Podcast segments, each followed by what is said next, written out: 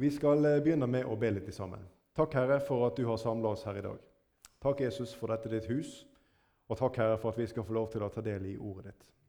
Nå ber vi, Herre, om at du skal gi oss eh, fred, Herre. At du skal holde denne sjelefienden borte fra oss, Herre. La oss få oppleve at vi får sitte ved dine føtter. Og la oss få kjenne det, Herre, at du ved din egen hellige ånd åpenbare ordet for oss, Herre. Vis oss du inn i dybden av ordet ditt, og lær oss du, Jesus. Herre, så blir det glede der i våre hjerter. Vi ber om ei velsigna stund her nå med deg, i ditt navn. Amen. Vi har kommet til eh, del 13 på vår vandring gjennom Bibelen. Og eh, vi forlot eh, sist gang vi hadde samling, Moses og Israel i Egypt. Og De hadde vandra ut av Egypten, og de hadde gått igjennom Rødehavet. Og Vi leste om hvordan dette her skjedde nøyaktig etter profetordets beskrivelse. Hvordan Israel ble gitt fri fra Egypt, eh, nøyaktig slik som Gud hadde sagt. Eh, både tidsmessig og de ting som fulgte underveis. Vi så litt på dette med Guds ledelse. Eh, at han gikk foran de som er skystøtte om dagen og er ildstøtte om natten, sånn at de kunne se når de vandra frem både dag og natt. Um, og Vi så litt på den forundringen som må ha vært når de kom der til eh, Rødehavets strand, og Gud hadde ledet dem dit, og situasjonen så håpløs ut, til tross for Herrens ledelse. Men så fikk vi se hvordan Gud grep inn, og hvordan han brukte denne staven. Den stoppa vi litt med forrige gang. Og dette i utgangspunktet usle redskap. Det ble det Moses strakte utover havet, og så åpnedes veien, slik at folket kunne gå igjennom.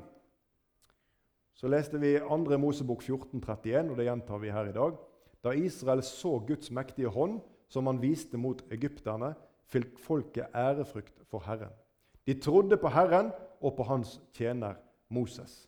De fikk se med sine egne øyne hvordan Gud åpna havet de fikk erfare hvordan de gikk tørrskodd igjennom, og de fikk se, slik som det var sagt de før de starta på ferden gjennom havet, før havet var åpent, at egypterherren skulle de aldri mer se igjen, slik som de nå så den. Og Det fikk de erfare når Gud lukka igjen havet over egypterherren. Og Der vi starter i dag, det er altså der vi slapp sist. Um, og I det påfølgende kapittelet her så handler det om Moses' lovsang og Israels lovsang. Ja, det kan skapes lovsang der inne i hjertet når en får se Guds veldige gjerninger. Sånn som Israel hadde sett, som hadde fått i øyetatt dette veldige under, på tross av alt vi kjenner til, og de kjente til, av naturkrefter og lover, så åpner Gud en vei der det ingen vei var. Og Det er litt av kjernen i det vi skal snakke om her. Lovsangen den har et utgangspunkt. Og Hvis vi leser i Salme 40 og vers 4, så leser vi at han la i min munn en ny sang, en lovsang for vår Gud. Mange skal se det og sette sin lit til Herren. Dette verset det har vært sitert mange ganger, også her i arken. Han, altså Gud, la i min munn en ny sang.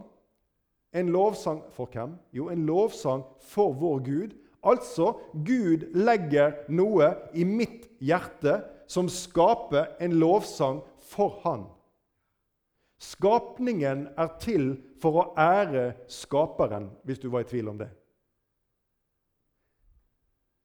Mange skal se det, leste vi her, og frykte og sette sin lit til Herren. Og Spørsmålet blir hva er det mange skal se? Lovsang det hører vi på Spotify i vår tid og andre tjenester hvor vi kan streame musikk. Men hva er det mange skal se? Ikke høre, men se. Han la i min munn en ny sang, og mange skal se det. Du, Det som blir synlig, det er vitnesbyrdet. Det er begeistringen. Det er et forvandla hjerte. Og hva er det som er utgangspunktet for det? Jo, det folk ser, det er årsaken til sangen. Og Årsaken til sangen blir synlig i det mennesket som Gud har fått grepe hjertet til, som Gud har fått utretta undergjerninger for, som Gud har fått gjort en forvandling for.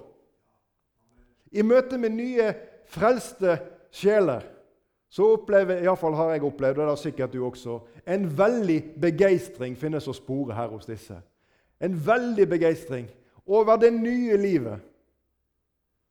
Du, Det er en forvandling som har skjedd. Det er noe som Gud har gjort. Han frelste meg, synger vi en sang. Da allting håpløst var. Jesus frelste meg. Det var han som satte oss over ifra mørke til lys, ifra død til liv. Og det er han som gjør gjerningen. Og når Guds gjerninger går opp for oss i våre hjerter, ja, så skapes det en begeistring. Og det er Gud som gjør noe nytt der inne. Og dette blir synlig. En ting er at det blir synlig i den uttrykksformen, altså at vi snakker om det som hjertet er fylt av. Det taler Bibelen. At munnen taler det hjertet er fylt av. At dette opptar oss på ordentlig. At det finnes en glede, ikke bare over det timelige, men over frelsen. Og dette kunne vi ha malt ut mye. Vi synger i en julesang så synger vi Men innhold er viktig, du tenker helt riktig. Det blir ingen jul uten Jesus. Vi tenker på julepakkene. Innhold er viktig. Så denne lovsangen den har et utgangspunkt i at Gud legger noe i min munn. En lovsang for nettopp Han. Og innholdet i den sangen som da kommer ut i det åpenbare, er jo da viktig. Og Det skal vi òg lese litt om mer i teksten i fortsettelsen. Men versene som står før Salme 40, før det fjerde verset som vi leste her, det viser at det finnes en foranledning til denne sangen som Gud la i min munn, som salmisten skriver om. Og Det må vi få med oss, for dette er viktig. I Salme 40, vers 2-3.: Jeg ventet, ja, ventet på Herren. Da bøyde Han seg til meg og hørte mitt rop. Han dro meg opp av fordervelsens grav, av den dype gjørmen. Han satte mine føtter på en klippe. Han gjorde mine trinn faste. Du, Dette er foranledningen til det salmisten skriver om når han sier at 'han la i min munn en ny sang'. Det skjedde noe i forkant av det. Det skjedde at den samme mann som skriver disse ordene, han ventet på Herren. Han hadde noe i sitt liv som gjorde at han lengta etter at Herren skulle komme og gripe inn og gjøre en forandring. Og så skjer nettopp underet. Da bøyde han seg til meg. Halleluja. For sånn er Gud, og sånn er Gud fremdeles. Den som venter på Herren, skal ikke bli skuffa. Å vente på Herren ja, det kan oppleves lenge. Og det kan oppstå mange spørsmål under ventetiden. Men den som venter på Herren, skal få oppleve det som salmisten skriver her. Da bøyde han seg til meg og hørte mitt rop. Halleluja. Og merk deg fokuset som nå rettes i det tredje verset. Hvem er det som på en måte utfører ting her? Han dro meg opp av fordervelsens grav, av den dype gjørmen. Han satte mine føtter på en klippe. Han gjorde mine trinn faste. La meg få spørre deg er det rart at salmisten skriver i det fjerde, det kommende verset, at han la i min munn en ny sang, en lovsang for vår Gud? Fordi at det hadde skjedd en forvandling. Han var blitt tatt ut av noe og satt inn i noe, og det var Gud som gjorde det. Og da skaptes lovsangen der inne i hjertet du lovsangens innhold. Vi kan kort lese av alle salmene. Vi leser Salme 103, vers 2. Min sjel lov Herren, og glem ikke Hans velgjerninger. Innholdet i sangen, og vi skal også se på innholdet i sangen som eh, Moses og Israel sang. La oss se på starten av denne lovsangen i 2. Mosebok, kapittel 15. Vi leser vers 1-2. Da sang Moses og Israels barn denne lovsangen for Herren. Jeg vil lovsynge Herren, for han er høyt opphøyet. Hest og rytter styrtet han i havet. Som i Salme 40 så ser du her at det er en foranledning til denne sangen som stiger opp her. Når de er kommet over på den andre siden av Rødehavet. Når Gud har ført igjennom, og når Gud har tatt seg av fienden. Herren er min styrke og min lovsang. andre verset. Han ble meg til frelse. Han er min Gud, og jeg vil prise ham, min fars Gud, og jeg vil opphøye ham. Finner vi noen paralleller her til det vi leste om i Salme 40? Ja visst gjør vi det. Her er en foranledning. Her er en erfaring av noe som er uløselig. Og en, en inderlig venting og et inderlig rop fra hjertet til Gud om at han må gripe inn og løse det. Og så ser vi konsekvensen er den lovsangen som plantes der i hjertet når Gud får slippe til. Når alle andre muligheter er oppbrukt, når ikke det finnes noen utvei og havet ligger foran, og fienden nærmer seg bak, ja, da gjør Gud sånn som bare Gud kan. Han åpner vei der som ingen hadde tenkt det. Han er Gud. Han er her, og han er den samme i dag. Og han hører ditt hjerterop, kjære venn. Vi ser så fine ut alle sammen som samles her til møte. Alle sammen ser både lykkelige og fine ut når vi kan se dem her frammenifra. Men der inne i det innerste hjertekammer der bærer vi ofte på ting som denne utvendige maska legger et godt skjul over. Men Jesus, han ser til det innerste der inne. Han vet om din nød. Han vet om din lengsel. Han vet om din ventetid. Og han er den samme som David skriver om i Salme 40, som bøyer seg til deg, og som hører ditt rop. Vi ser at i lovsangen til Israel her så er det en veldig endring av fokus. For det som skjer, det er et fokus ifra en håpløs situasjon til en lovsang over det Gud har gjort med den håpløse situasjonen. Den videre sangen vi leser om i 2. Mosebok 15, den er et ganske sånn detaljert vitnesbyrd om det Gud gjør. og Vi skal stoppe for noen av disse tingene. I vers 7 så leser vi I din høyhet og velde slår du ned dem som reiser seg mot deg.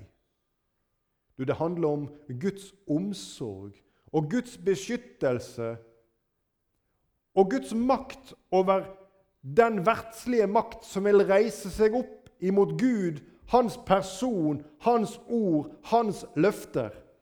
Så vitner dette folket nå om at Gud, i din høyhet og i ditt velde så slår du ned de som reiser seg imot deg. Et vitnesbyrd om at Gud har makt over alle ting. I vers 8.: Ved ditt åndepust hopet vannet seg opp. Bølgene sto som en vold. Dype vann stivnet i havets hjerte. Gud har makt også over naturkreftene. Det er egentlig ikke til å undre seg over, for det er han som har lagd det. Alt sammen. I vers 10. Da blåste du blåste med din ånde, og havet skjulte dem. De sank som bly i de veldige vann. Ja, Guds demonstrasjon av makt over fienden. Oppfyllelse av det ord som Moses talte ved Herrens røst til folket, der de sto på den andre sida før havet hadde åpna seg. At slik som dere ser Egypterherren i dag, skal dere aldri i evighet se det igjen. Nei, den neste gang de fikk se dem, så så de de flytende langs med havets strand, for Gud hadde tatt livet av dem. Vers 14-16. Folkene hører det. De skjelver. Angst griper dem som bor i Filisterland. Da blir Edoms stammehøvdinger forferdet. Redsel griper Moabs høvdinger. Alle Kanans innbyggere forgår av angst. Og vers 16. Forferdelse og redsel faller over dem. Ved din arms velde blir de stumme som stein, mens ditt folk drar fram, Herre. Mens det folk drar fram som du har vunnet deg. Her er, her er det substans i lovsangen. er det? Et sterkt vitnesbyrd om hva Gud har gjort, om hvilken makt han har over alle ting. La oss bare helt kort se på hva som skjer 40 år seinere når de står ved Jeriko. Der står eh, noen speidere og snakker med ei kvinne som heter Rahab. Vi leser Josva, 10, eh, Josva 2, vers 10-11. For vi har hørt hvordan Herren tørket ut vannet i Rødehavet foran dere da dere dro ut av Egypt. Ja, og så ramser hun opp og flere andre seire som vi skal komme til på vår vandring gjennom Bibelen.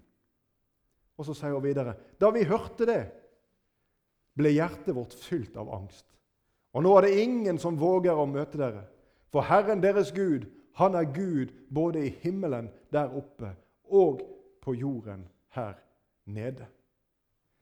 Du, Lovsangens vitnesbyrd og lovsangens misjon det ser vi oppfylt i dette ene bibelske eksempelet, og det finnes mange slike. Hvor den sangen som synges, hvor den uttrykksformen som tar plass hos Israel, på det som er planta i deres hjerte av det Gud har gjort Det har skjedd på en slik måte at dette blir formidlet gjennom folkeslag på deres videre ferd. Og som sagt skal vi komme til det etter hvert. Men dette folket som de nå møter når de er kommet over Jordan her litt senere, som vi også skal komme til, og komme til Jeriko og skal inn, så møter de et menneske der det står at Jerikos porter var låst dag og natt, og ingen kom inn, og ingen kom ut.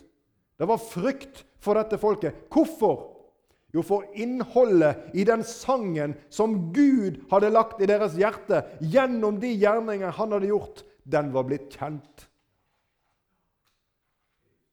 Ser du betydningen av lovsangens innhold? Ser du betydningen av hvordan lovsangen skapes? Og ser du effekten av den lovsangen som Gud får komme til med? Mange skal se det og frykte og sette sin lit til Herren, leste vi i Salme 40. Men det går ikke lang tid før lovsangen endrer seg ifra glede til klage. Lovsangen den tar slutt. Alle de gode følelsene, alt det som var så konkret og herlig akkurat nå, det kommer liksom i baklekse. For dette skjer andre ting på veien, og vi, vi kan relatere til mye av det vi skal lære om dette folket som farer gjennom ørkenen i 40 år. 2. Mosebok 16, vers 1-3.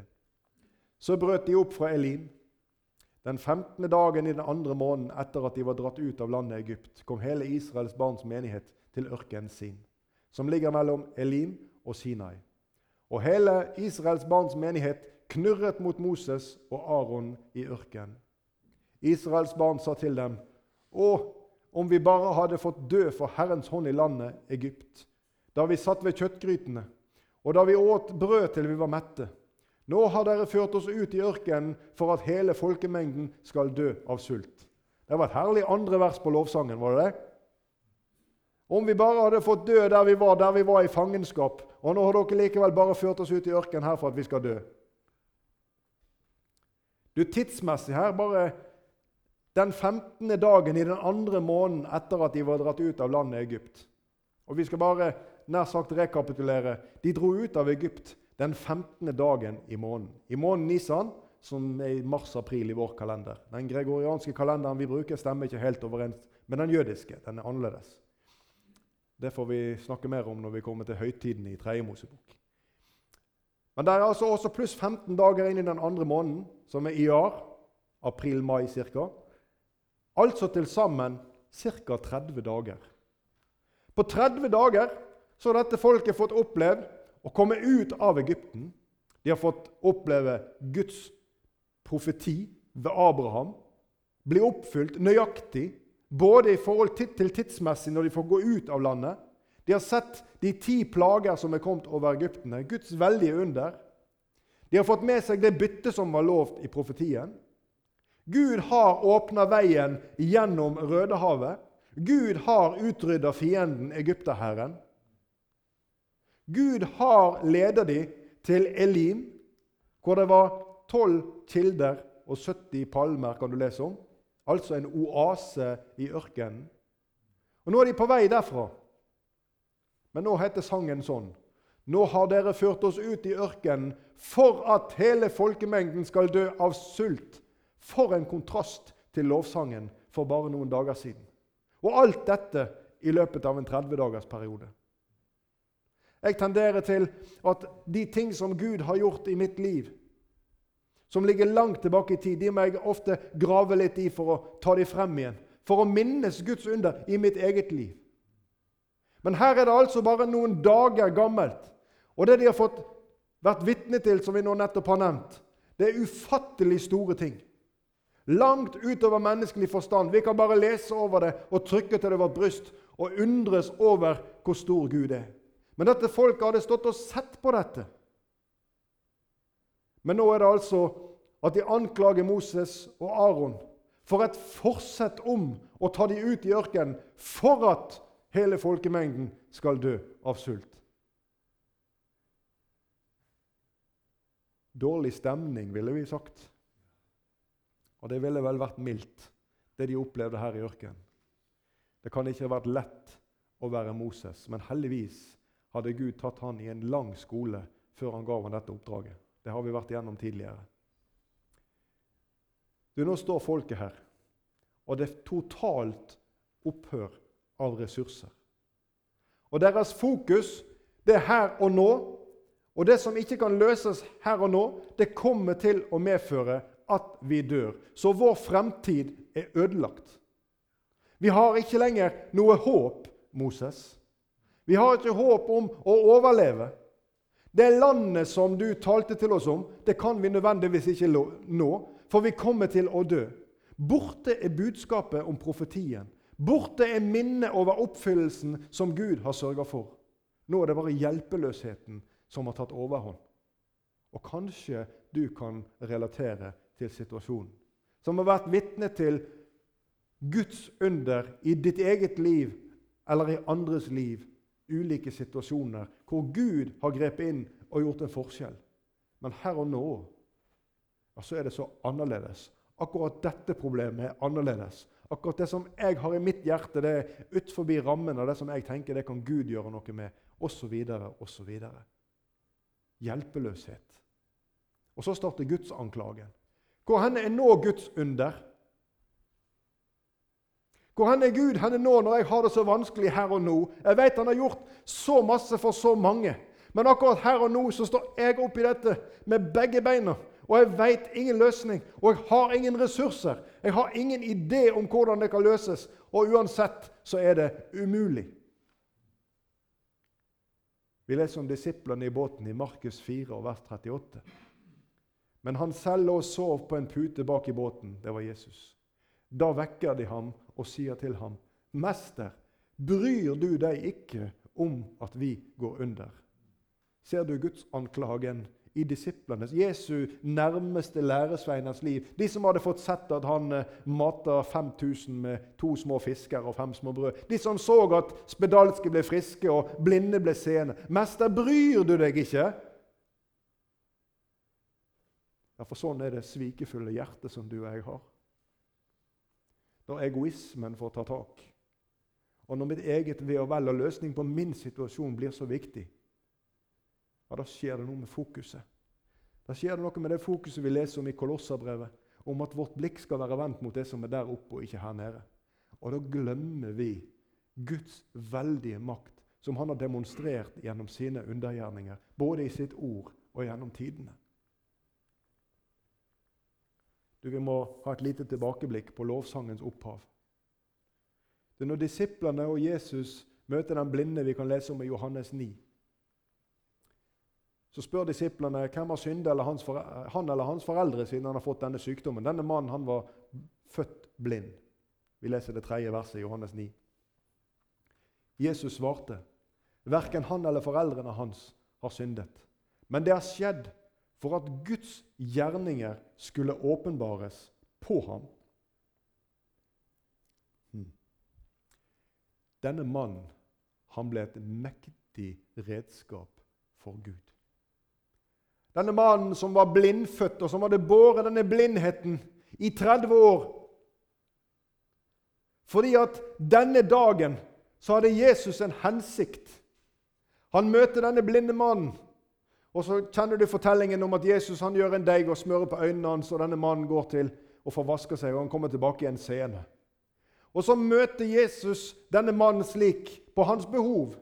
Men han har jo båret alt dette i denne lange tid, og sikkert både han og hans foreldre har båret mye lidelse over dette. Men det hadde en hensikt, dette.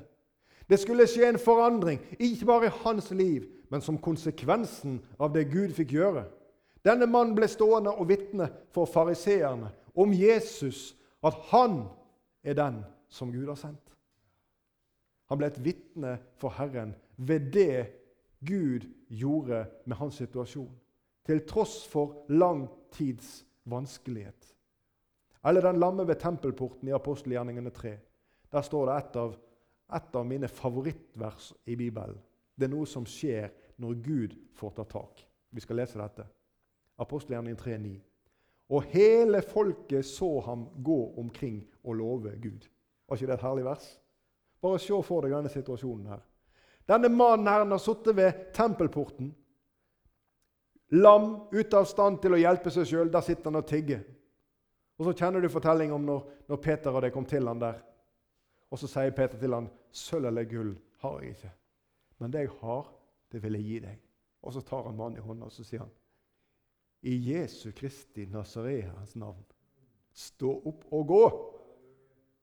Gud har løsninger når vi er kommet til veis ende. Og det er poenget mitt.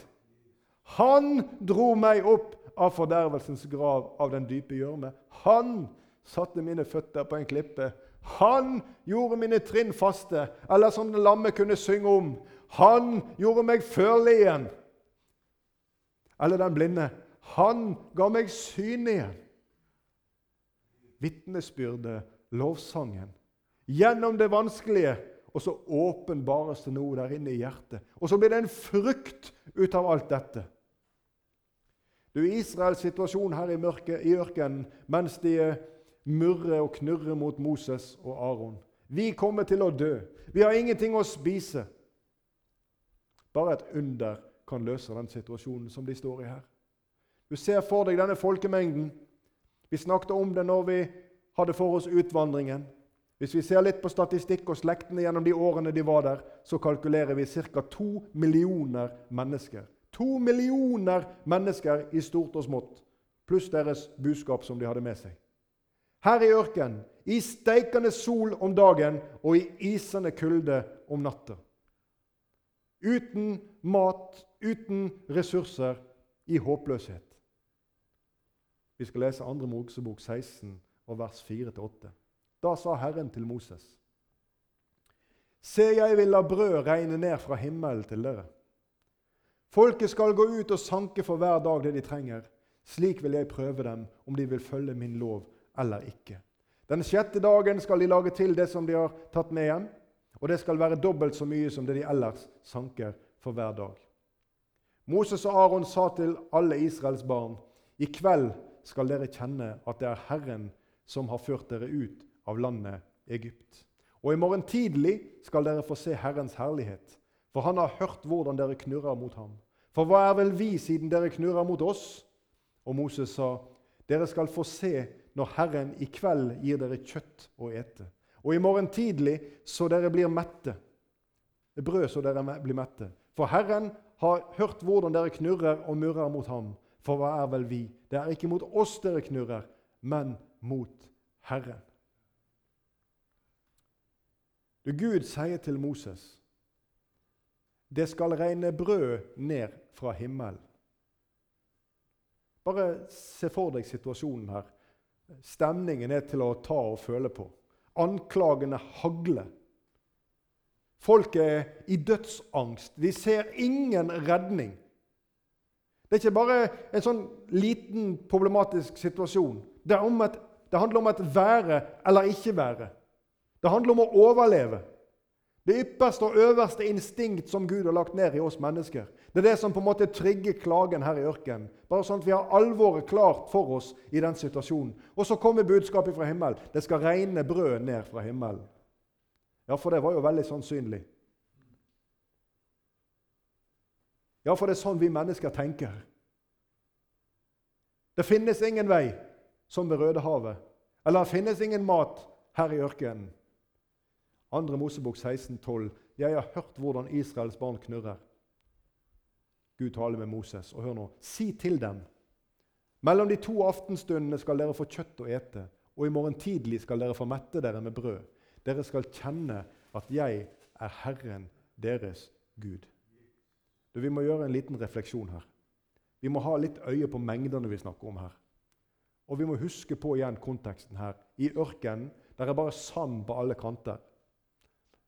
Og alle de andre tingene som gjør at det er ikke mulig å få noen forsyninger her. Bare litt om mengdene her. To millioner mennesker. Og la oss regne 150 gram med kjøtt på hver. Dette skal skje i kveld, sa Gud. I kveld mellom de to aftenstundene. Hvis vi ganger sammen her, så finner vi at det blir 300 000 kilo med kjøtt. Si til Israel at i kveld så skal de få 300 000 kilo med kjøtt her i ørkenen. her som dere ser ingenting. Eller vi skal se på dette brødet. Ei brødskive den veier ca. 35 gram.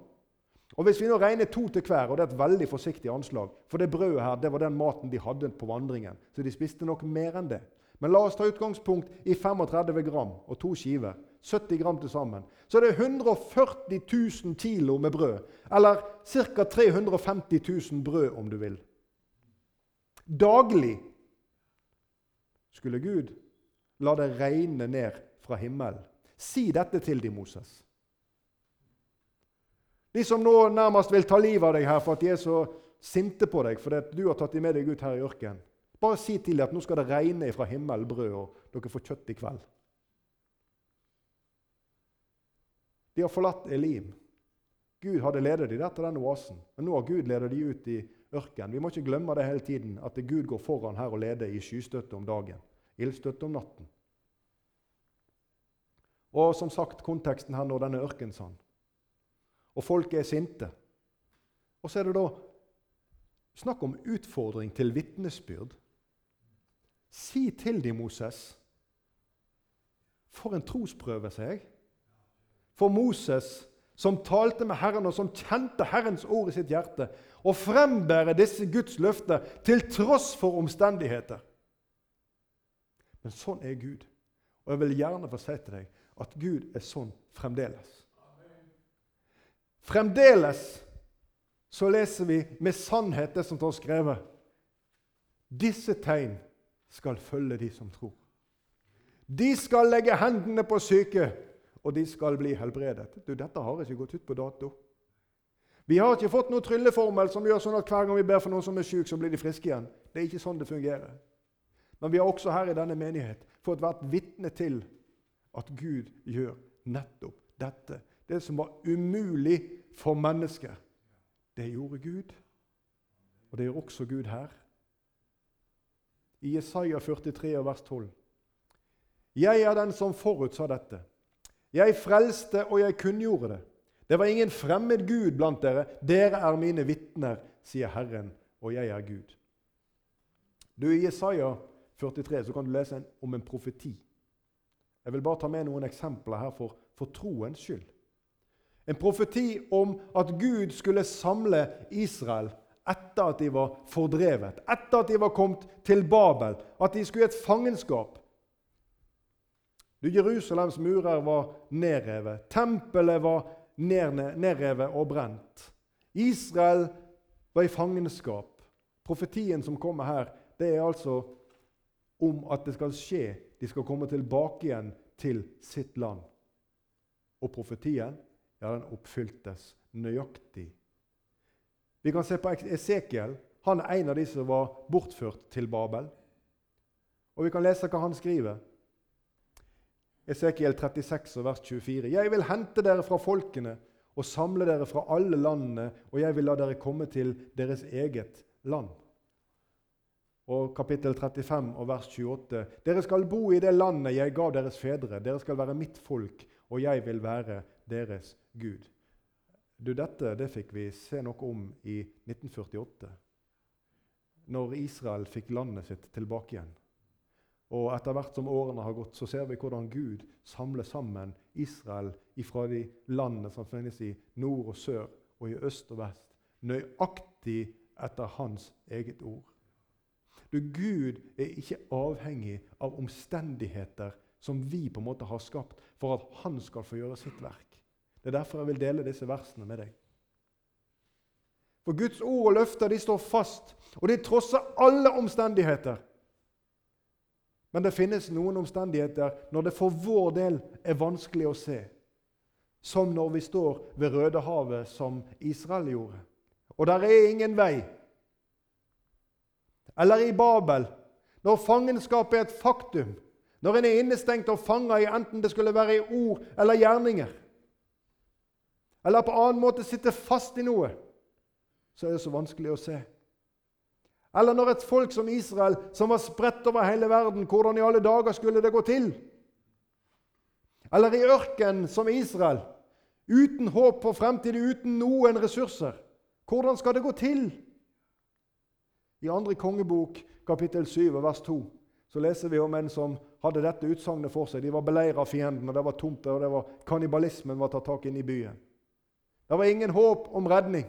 Og så kommer profeten og sier at i morgen på denne tid da skal det være mat å få her. Og så ser vi tvilen i denne manns hjerte, denne kongens manns hjerte. Vi leser dette verset. Om så Herren gjorde luker på himmelen, hvordan kunne slikt gå for seg? Kan du kjenne deg igjen i dette? Når løftet som du leser i Guds ord, når løftet som du hører i tydningen av hans budskap, når det trosser menneskelig forstand, når det trosser det du ser av muligheter, så langt du kan vurdere Om så Herren gjorde luker på himmelen, hvordan skulle det kunne skje?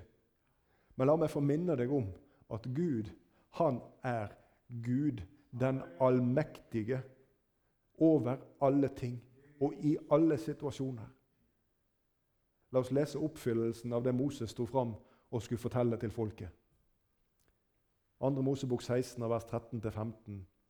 Da det så ble kveld, kom det vaktler og dekket leiren. Her fikk de kjøtt. Det er akkurat slik som Gud hadde sagt. Du, Gud han har makt over naturen, over alt som finnes i den. Og Her sender han en flokk med vaktler. Og Det er nok ikke en liten fugleflokk, hvis vi husker litt på mengdene som vi hadde for oss her i stad. Og Om morgenen var det et lag av dugg rundt omkring leiren. Da duggen gikk bort, se da lå det utover ørkenen et fint kornet lag som fint rim på jorden. Da Israels barn så det, sa de til hverandre, 'Hva er det?' For de visste ikke hva det var. Da sa Moses til dem, 'Det er det brødet Herren har gitt dere å ete.' Ikke bare i dag, folk, men dette brødet det åt dette folket ifra denne dagen og helt til de kryssa Kanan og kom inn i det landet som Gud hadde lovt. Jeg vil minne igjen om, om mengdeforholdene som vi snakker om her. Og Jeg vil òg minne om hvordan det må ha vært for dette folket fra dag til dag. Vi har brød i dag. Å åpne teltet neste morgen og lure på er det kommet i dag òg. Har, har, har, det kommet rim i dag? Har det kommet sånn frø som vi kan samle sammen til? Jo da, i dag òg. Og når folket har vært ulydige, for det var de Når folket lagde seg avguder og åpnet teltet om morgenen, så var det brødet òg. For en trofasthet. For en kjærlig Gud. Som utøver den slags omsorg for et folk i medgang og motgang. Et folk som står opp mot hans vilje. Et folk som håner ham. Et folk som benekter at hans løfter kan være sanne. At folk som skaper seg avguder, også alt andre. Og Gud visste om alt dette når han hentet dem i Egypt. Likevel så står Gud ved dette folket og forsyner dem hele veien. Jeg vil minne deg om det. Du som kjenner det sånn i ditt eget liv, at gudsforholdet ikke er sånn som det skal være, så skal du vite at Gud han har manna til deg hver dag. Gud han vil møte deg i sitt ord hver dag. Han har noe å gi til deg hver dag. Min første gang når jeg skulle ut og ha møteuke alene, da gjorde jeg en personlig erfaring med mannen. Jeg var en ung mann den gangen. Jeg hadde aldri tenkt at jeg noen gang skulle bli predikant. Hadde noen sagt det til meg, da, så tror jeg at jeg ledde av dem. For jeg følte overhodet ikke at det var noe som kunne passe for meg. Men Jesus han han gjør ting i livene våre. Han forandrer på ting. Og Jeg reiste av gårde. Jeg hadde forberedt en tale. Dette var før databibel og den type redskap. Satt og bladde i Bibelen min og forberedte en tale. Og Den hadde jeg første kvelden. Jeg skulle være der en hel uke. Hadde ingenting mer å gå på. Jeg satt på rommet mitt i det huset der jeg bodde, og ba til Gud neste morgen. Herre, jeg vet ikke hva jeg skal si. Jeg vet ikke hva jeg skal, jeg hva jeg skal dele. Jeg er helt tom, Jesus. Og jeg har seks møter foran meg her. Men da kom Gud med manna. Da kom Gud med manna hver dag. Når jeg åpna Bibelen min, så fikk jeg det jeg trengte. Og jeg forkynte på møtet om kvelden. Og Bare for å illustrere for deg hva Gud kan gjøre med et enkelt redskap. Når den møteuka var mot slutten, så var vi nær på 100 mennesker på møtene hver kveld. Og når vi kom til søndagskveld, så var det noen ungdommer der som jeg fikk være med og be for. Og det endte med at vi måtte fortsette en uke til. Jeg holdt på i 14 dager. Hver dag i bønn på rommet der i huset som jeg bodde. 'Jesus, hva skal jeg si i kveld?' Du, Jesus lærte meg noe om mannen som jeg har hentet i hans eget ord. Og jeg må bare få si til deg at Det virker sånn fremdeles. Når jeg satt meg ned i, i går kveld og skulle forberede det vi skulle dele her i dag, så er det den samme bønna som den gang. Jesus, kan du gi noe her som vi kan få glede våre hjerter ved? Mannen den oppbevares, det skal vi lese mer om senere, i Guds ark. De samler den her opp i ei krukke, og den er en av de tre tingene som vi finner inne i, eller de tre elementene som vi finner inne i paktsarken. Og Den skulle være der. Hvorfor? Jo, den skulle være der som et vitnesbyrd for de kommende slekter. Om den omsorgen som Gud hadde vist. At han hadde vært trofast med dem alle dagene og gitt dem det de trengte underveis. Du, Verden ønsker å utslette minnet om Guds gjerninger. Verden ønsker å utviske bibelordet, for å si det ganske enkelt. Ønsker ikke at vi skal ha verken tid eller fokus på dette. Ønsker ikke at mennesker skal få ta del i det. Paulus skriver i Romerbrevet at det som før er skrevet, det er skrevet oss til lærdom. For at vi skal ha håp ved den trøst som Skriftene gir. Så hvis ikke vi har tid til disse skriftene og ikke kan få lese om Guds veldige gjerninger, så skjer det noe med troslivet vårt, og vi mister kraften. Og vi mister på en måte bildet av hvem Gud er, og hva Gud kan gjøre. Igjen dette går ut over håpet, det kristne håpet. Og så kommer tvilen, og så kommer alt det andre. Vi trenger å leve i nærhet med Guds ord for å minnes Hans veldige gjerninger. Det påvirker troslivet vårt. Det gjør noe med den lovsangen som vi leste om. Derfor er det ikke så rart at verden ønsker å utslette dette. For dette vitnesbyrdet har en voldsom effekt, og vi har bare vært inne og lest litt om det. Men ved denne lovsangen og det vitnesbyrdet som ligger i den, så ligger det frelse for mennesker som blir møtt av vitnesbyrdet, som blir møtt av det ord som Gud har lagt der i sangen. Så lovsangens opphav og lovsangens innhold den har betydning. Tro ikke at din lidelse og vanskelighet er forgjeves. Tro ikke at Gud ikke kan bruke det som ser umulig eller vanskelig ut for din eller min del. Gud er fremdeles Gud som skaper lovsang i hjertet. Gud bøyer seg fremdeles til meg, som salmisten sier, og hører mitt rop og ditt rop. Jesaja 59, vers 1. Se, Herrens hånd er ikke for kort til å frelse, og hans øre er ikke tunghørt, så han ikke kan høre. Vi skal sitere et sangvers helt til slutt. Guds løfter holder. Hva enn jeg mister, hva enn som brister, de brister ei. Om himmelens stjerner, de slukner alle. Guds løfter svikter aldri. Herre Jesus, nå må du hjelpe oss, Herre, til å minne oss hvem du er i alle de ting som vi møter i våre liv. Hjelp oss å være himmelvendte, Jesus. Hjelp oss, Herre, å ha deg og ditt verk for øye i møte med alt som er vanskelig og som synes uovervinnelig.